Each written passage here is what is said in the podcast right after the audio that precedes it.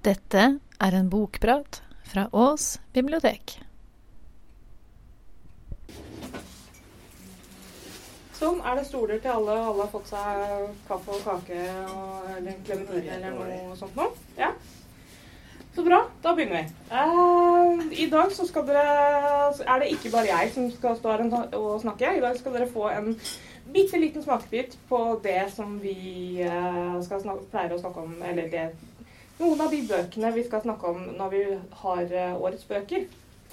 Så i tillegg til meg så er det da altså Marianne og Elin som skal komme opp eh, etter hvert og presentere sine bøker. Eh, dere får jo bare én bok av de vi eh, De henholdsvis tre og fire vi skal snakke om hver oss når vi fa faktisk har årets bøker. Så det blir bare en liten smakebit. Men eh, vi håper at det frister, eh, frister for det. Se, den jeg skal snakke om, det er en bok som heter jeg skal, Nå skal jeg ikke legge fra meg jukserapporten her, det var dumt. Eh, Det er en bok som heter 'Vingebelastning', eh, av eh, en dame som heter Helga Flatland.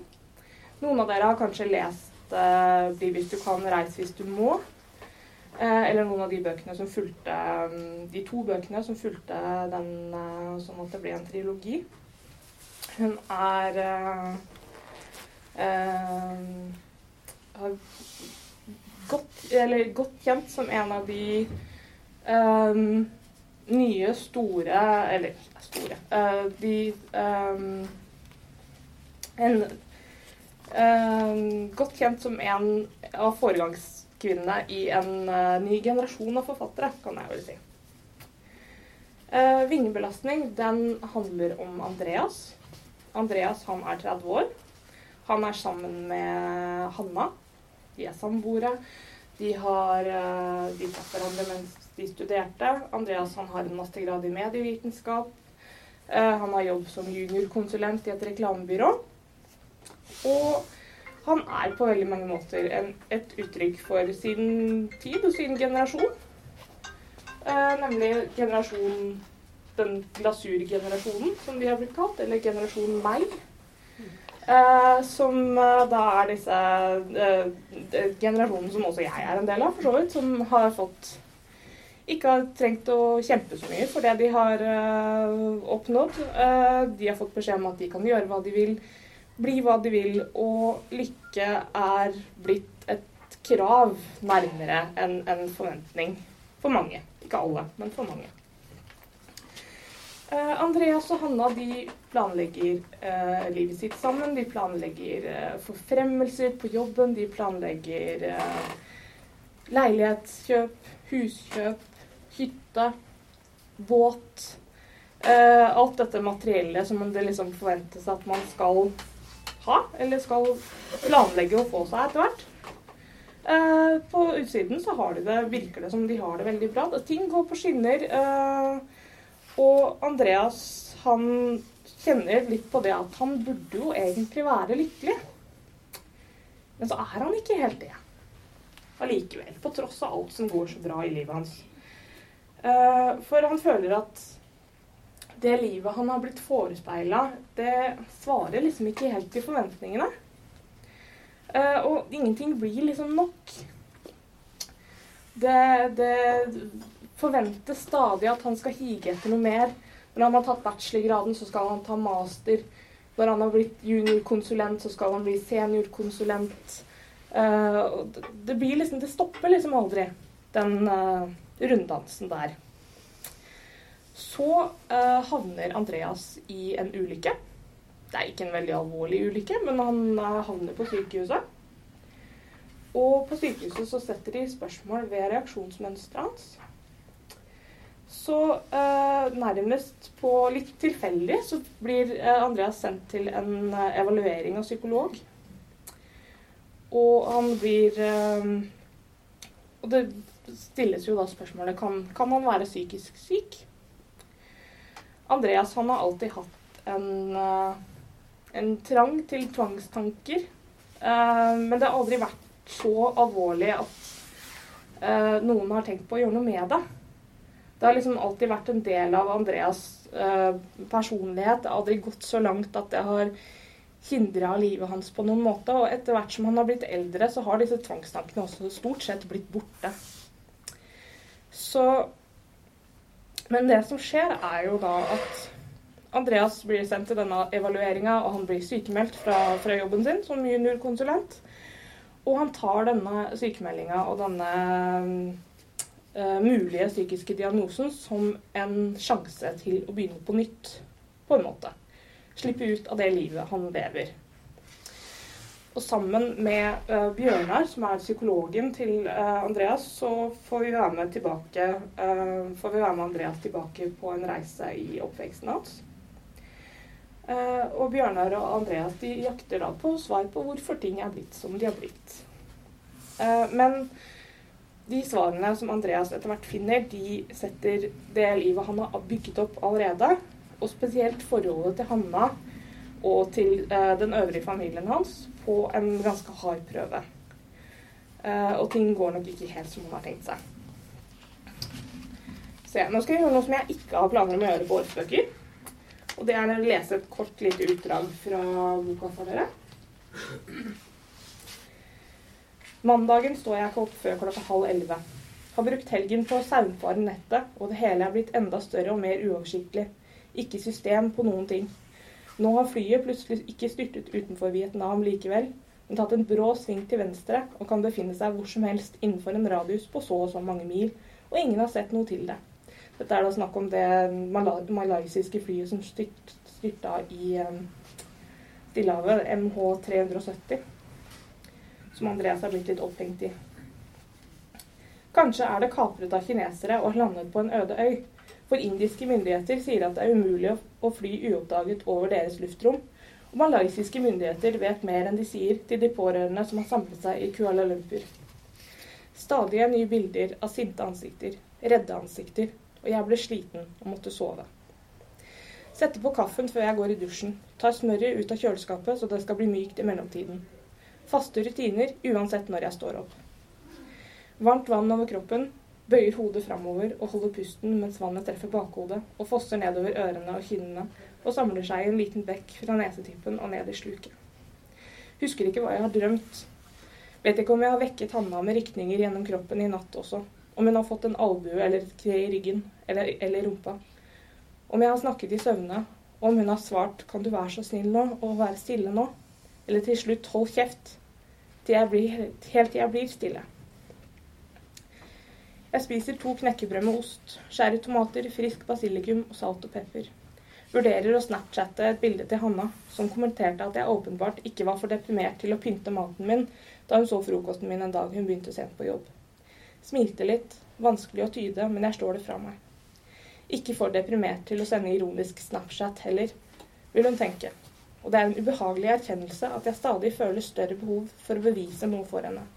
Kanskje fordi jeg stadig føler en større mistro for henne. Flere halvspydige kommentarer enn før.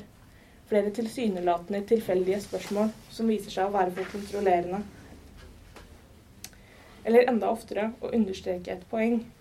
Og i det jeg svarer, hører vi begge hva hun egentlig ville frem til, underforstått. Du later som. Jeg går ut døra, vurderer et lite sekund å ta sykkelen som har stått urørt i kjellerboden de siste månedene men jeg dropper tanken før jeg får tenkt den ferdig. Går heller, til, heller til, til trikken. Konkurrerer med meg selv og en som åpenbart har det samme prosjektet om å stå perfekt plassert i forhold til dørene idet trikken stopper. Setter meg ved vinduet og følger en syklist på utsiden med øynene. Han sykler ved siden av trikken i flere minutter, og jeg rekker å lure på hvem han er. Hvorfor han er ute i sykkelbuksa nå klokka kvart på tolv en mandag i mars. Hvorfor han har tid til å trene nå, og hvis han først skal trene, hvorfor velger han å sykle gjennom byen istedenfor å sykle et friere sted med renere luft og færre biler? Jeg har ikke begynt å trene slik Bjørnar foreslo.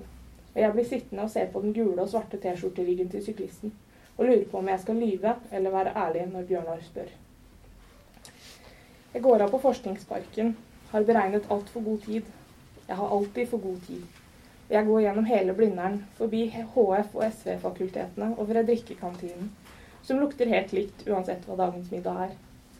På plassen utenfor står Klassekampen med et dårlig telt, og alt oppmerksomheten til de to frivillige som står der, går med til å prøve å feste stengene og hindre avisene i å blåse bort. Jeg får ingen gratis avis, og hadde sikkert ikke orket, å lese den heller, selv om jeg burde. Og jeg vil også.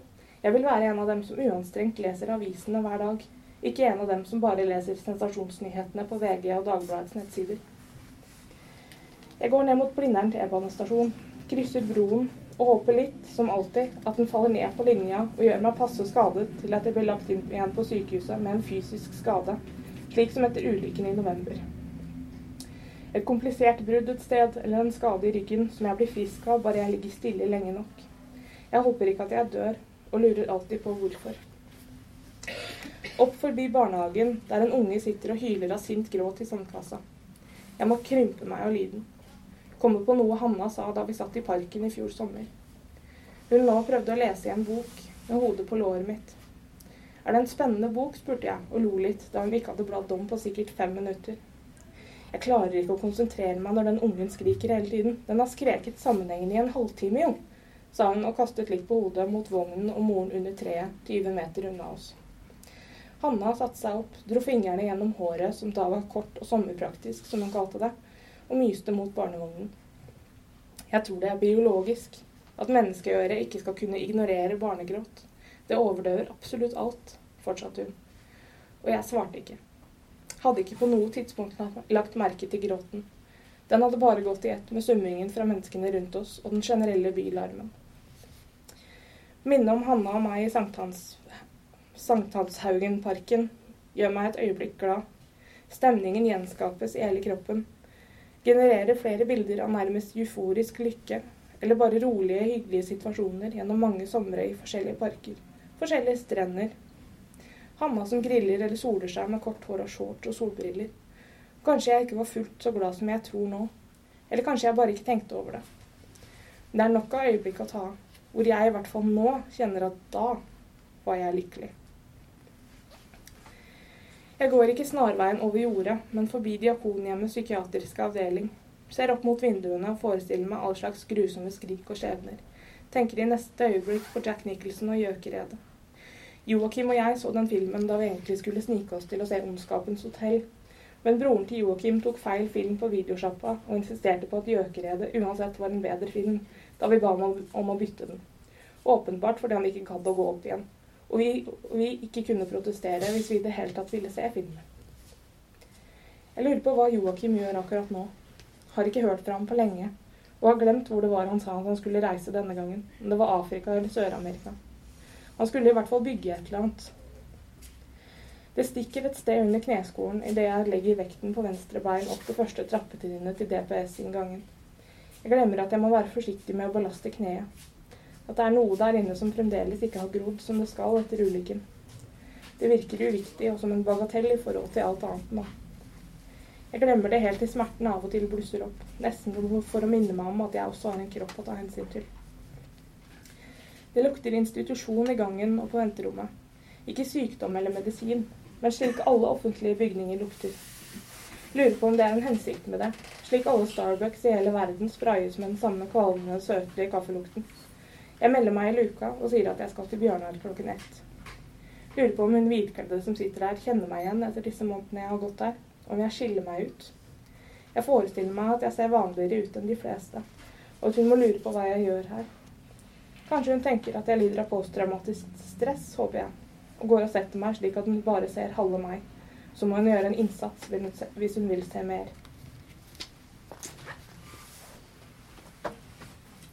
Det var en liten smakebit på vingbelastning av Helga Flatland. Eh, da var det Marianne vi ble enige om, som skal gi dere en liten smakebit av sin uh, utvalgte bok.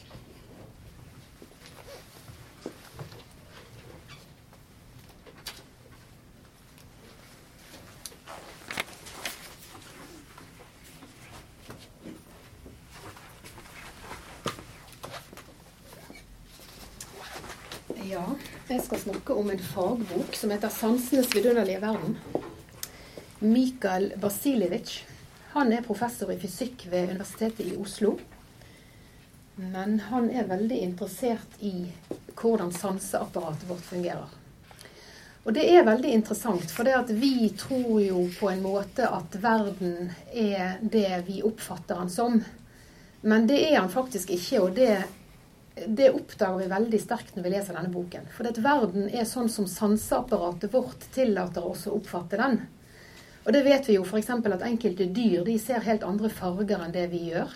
De kan høre helt andre lyder. De kan høre, Sånn som flaggermus, f.eks., som hører ekko på en annen måte. De oppfatter ekko gjennom hele fronten av hodet sitt. Um, det kan ikke vi oppfatte, men det betyr jo ikke at verden ikke er sånn. Hvor mange av dere som er venstrehendt? Er det noen av dere som er venstrehendt?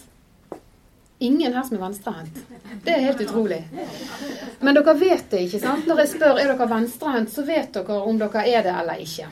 Jeg vet òg min farfar. Eh, han var opprinnelig venstrehendt, men på den tiden som han vokste opp, han er født i 28, tror jeg, da var det å være venstrehendt ikke en god ting. Så han ble faktisk omskolert til å bli høyrehendt. Det var veldig vanlig.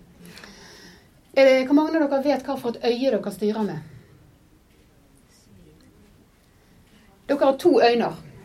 Dere styrer med ett av dem. Akkurat som dere styrer med én hånd, så styrer dere med ett av øynene. Hvem av dere vet? Du vet det, ja. Du vet det òg. Og du vet tre stykker, fire som vet hva for et øye de styrer med. Det er veldig lett å finne ut. Det har faktisk ganske stor betydning, for du ser hele tiden verden litt fra den siden. Um, det har ingen sammenheng med om du er høyre- eller venstrehendt. Du kan styre med høyre øye hvis du er høyrehendt, men du kan òg styre med venstre. Jeg styrer med venstre øye. Jeg er høyrehendt. Hvis du holder armene opp rett ut sånn, kan godt gjøre det. Og så inni denne trekanten som du lager, så ser du på noe. Nå ser jeg f.eks. akkurat på den skjøten mellom de to hyllene på toppen der oppe. Så dere ser på det punktet med begge øyne. Og så lukker du det ene øyet, og så lukker du det andre øyet. Og da ser du at når du lukker det ene øyet, så forsvinner det du ser inni den trekanten. Du, det punktet du så på når du så med begge øynene, det forsvinner. Ser du det? Da betyr det at du har funnet ut hva for et øye du styrer med. For når du holder sånn, og du lukker det ene øyet, og du fremdeles ser punktet ditt, da er det det øyet som styrer. Så når jeg holder sånn og ser på den der nede, så kan jeg se det med venstre øye, men jeg kan ikke se det med høyre. Da forsvinner det bakom hånden min. Sånn at hele deres liv så går dere rundt og ser Jeg ser hele tiden verden litt fra venstre. Men det skjønner jo ikke jeg. Jeg tror jo at jeg ser verden Jeg har ganske godt sidesyn, sånn at jeg ser verden. Når jeg ser rett frem, så kan jeg se Nå ser jeg tomlene mine. Så jeg tror jo at jeg ser verden sånn, men jeg ser egentlig verden litt sånn. For det er det øyet mitt som styrer. Og denne boken den viser dere det er mange ting inni denne boken som er akkurat sånn at når, når dere har lest det, så tenker du å ja, det er derfor. F.eks. Hvorfor, hvorfor klarer vi å venne oss til kaldt sjøvann om sommeren når vi bader? sant? Når du går ut i vannet, så er det forferdelig kaldt med en gang. Og noen er sikkert sånn at de liker best å hoppe uti og få det overstått, mens jeg er sånn som liksom går litt og litt og litt uti, og det liksom vannet kryper oppover. Og det er forferdelig kaldt akkurat der så vannet går opp, men ikke nedenfor etter en stund. Og hvorfor er det sånn? Dere har sikkert hørt om disse her eh, vinsmakere og parfymeluktere ikke sant? som kan tjene mange mange penger bare på å smake på vin og, og lukte på parfyme eller kaffe òg. Nå er det faktisk sånn at det er enkelte av oss som er såkalte supersmakere. Og Denne boken forteller hvordan du skal finne ut om du er en supersmaker. For dere har sikkert noen sånne i familien som hele tiden sier at Nei, denne her er litt muggen, eller denne her har stått for lenge. Og dere har sikkert sånne i familien, sant? Som alltid sier det der. Og det kan faktisk være at de har flere smaksløker enn resten av oss. Og hvordan du skal finne ut det, det kan du finne ut i den boken der. Og det er veldig fascinerende, fordi at eh, hvordan vi oppfatter verden Altså sansene er på en måte broen imellom den verden som vi har her ute, og det som er oss inni hodet vårt. Og det styrer ganske mye av hvordan vi oppfatter omgivelsene våre. Og det er veldig fascinerende å, å se hvordan kroppen vår hele tiden kompenserer for svakheter faktisk i sansesystemet vårt. Blant annet um, dette her med at vi venner oss til ting. Det var det med vannet, f.eks. Når du skal bade, at du venner deg til kulden. Men òg det med trykk. At etter en stund så kjenner du ikke en berøring hvis den blir holdt helt i ro, f.eks. Fordi at kroppen har måter å justere på hele tiden, da.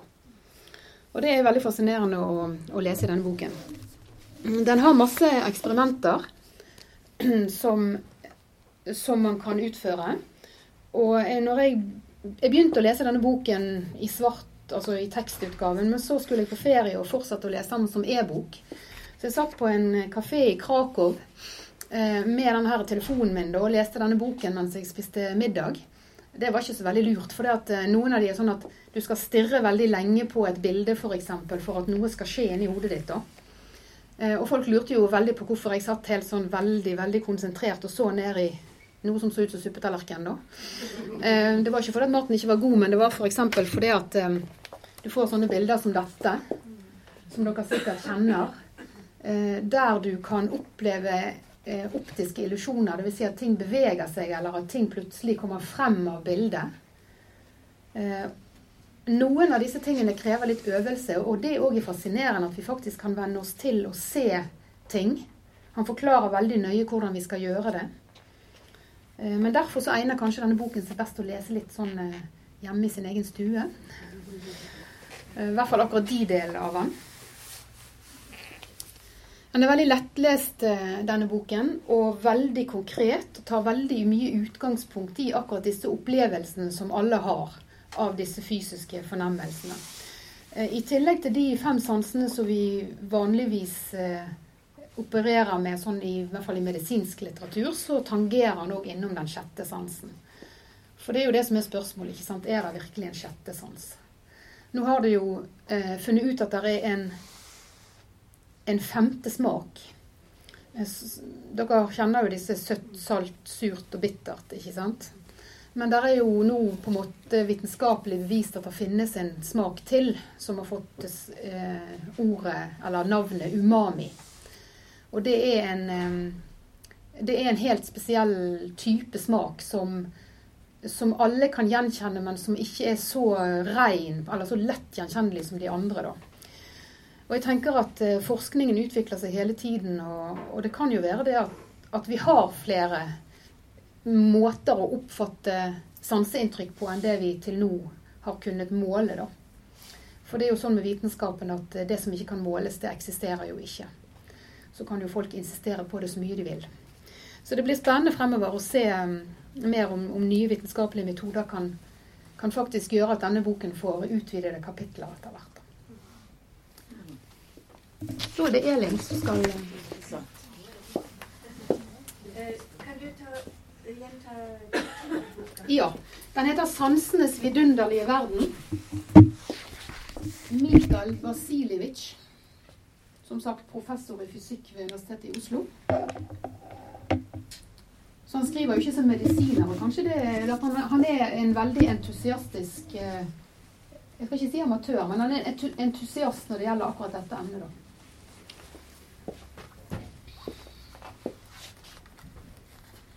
Har snakket om dette før å ha klær uten lommer. Lommedag.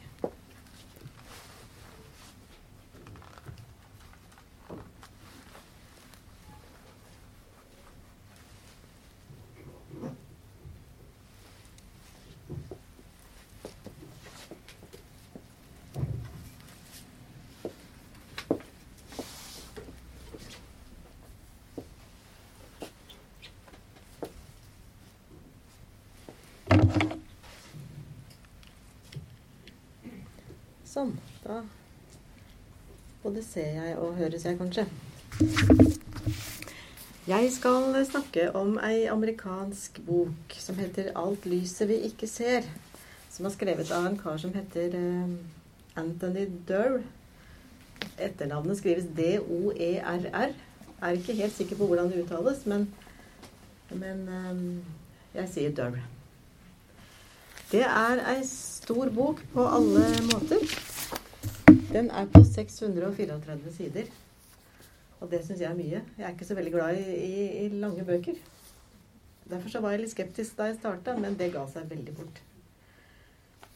I boka her følger vi to barn som eh, blir ungdommer i løpet av de siste åra før og under annen verdenskrig. Marie Laure er eh, fransk, og Werner er tysk. Marie Laure bor i, i Paris sammen med faren sin. Hun blei eh, blind i seksårsalderen. Men faren hennes er en flott far som, eh, som er veldig opptatt av at hun skal greie, lære å greie seg på egen hånd. Han har lært henne punktskrift og, og skaffer henne så mange bøker som han greier å finne. Og han har også på en veldig finurlig måte greid å lære av hvordan hun skal greie seg ute på egen hånd. Han, hun er ofte med han på, på jobben hans. Han jobber på Naturvitenskapelig museet i Paris. Hun kjenner alle de som jobber der, og hun suger til seg all eh, kunnskap hun kan finne. Werner vokser opp eh, i en kullgruveby i Tyskland. Han eh, bor på barnehjem, men tross det så har han det ganske godt. For det er ei eh, hjertegod nonne som driver det barnehjemmet. Han er en oppvakt og intelligent gutt. Han eh, reker en del rundt i gatene og finner mye rart. Tar det med seg hjem og lager de mest fantastiske ting ut av det. Og den dagen han finner en gammel radio som han greier å få lyd i, da er det at eh, livet hans forandrer seg. For snart går det rykter om at han kan eh, fikse gamle radioer. Og en eh, rik mann eh, i nærheten eh, finner ut av hva han eh, får til. Og sier at denne gutten er for god til å måtte jobbe i gruver. Han sender vi til et utdanningsinstitutt for gutter. Og der er det tøffe forhold. Der blir gutta drilla til å bli barske nazister. Og der er det mange gutter som bukker under. Og Werner han eh, liker ikke det han ser. Men han eh, vernes på en måte fordi eh, han har sånne ferdigheter som radiotekniker. Så bryter annen verdenskrig ut. Og da krigen kommer til Paris, så blir det ulevelige forhold der. Marie-Laure og faren flykter. Delvis til fots. Og de greier å komme helt til eh, eh, Saint-Malo, som er denne byen som kanskje noen av dere kan se. Det er en by som ligger helt ute i havgapet i Bretagne. Like ved Mont Saint-Michel, eh, hvis dere har hørt om den øya ute i vannet som er et kloster. Her får de bo hos en eh, eksentrisk og merkelig grandonkel og hushjelpa hans. Men det er ikke ufarlig å bo der, fordi eh, disse to de driver aktiv motstandsarbeid. Og dessuten så er, har faren til eh, Marie-Laure i sin varetekt en diamant, eller kanskje en kopi, det er vi ikke helt sikre på, eh, fra museet han jobber på, som han skal ta vare på, fordi nazistene de er jo på, de er jo på jakt etter kunstskatter. Eh, Så de da er da altså på jakt etter han også. I 1944 så blir krigen intens i Bretagne. Og den som overlever der, den har flaks. Det regner bomber og granater. Werner på sin side av krigen, han eh, blir eh, veldig etterspurt for sine talenter som radiopeiler. Han blir sendt til Russland, han blir sendt til Østerrike, og til slutt så blir han altså sendt til eh, Saint-Malo, som er denne byen. Eh, fordi der er det særdeles viktig å, å knekke noen signaler som blir sendt ut derifra. Og det er det faktisk eh, grandonkelen til Marie-Laure som sender ut. Men krigens redsler har tatt gått veldig inn på Werner, så han er ikke særlig motivert for å gjøre den jobben han bør. Og Werner og Marie-Laure de møtes faktisk en gang. Det blir et veldig sterkt møte. Jeg sier ikke noe mer om hvordan det går med de to. Men det er ikke noen romantisk eh, løsning på det her. det er ikke en sånn type bok. Denne boka er intens lesing. Den er eh, oppdelt i veldig korte kapitler som hele tida veksler mellom Marie-Laures liv og Werners liv. Og forfatteren går ned i minste detalj på de mest utrolige ting. Den, det er ingen hvileskjær, sånn at en liksom kan lett surfe gjennom boka. Det er, eh, språket er nesten suggererende, så hjernen blir holdt i topp beredskap hele tida. Jeg tror at den som har oversatt eh, boka, har gjort en veldig bra jobb. Jeg syns at dette her var ei veldig lærerik bok. Dramatisk. Ganske vond, men først og fremst veldig, veldig vakker. Så dette er min yndlingsbok i år. Eh, Hva heter forfatteren? Anthony Durr. D-o-e-r-r. Og den er nok blitt eh, kjent mange steder, for jeg var i, en, i, i Danmark en liten tur i sommer. Og det er et, en stor bokhandel der som var hele vinduet fullt av denne boka her. Ja. ja det var eh, litt småsnacks til dere i dag. Takk for oss.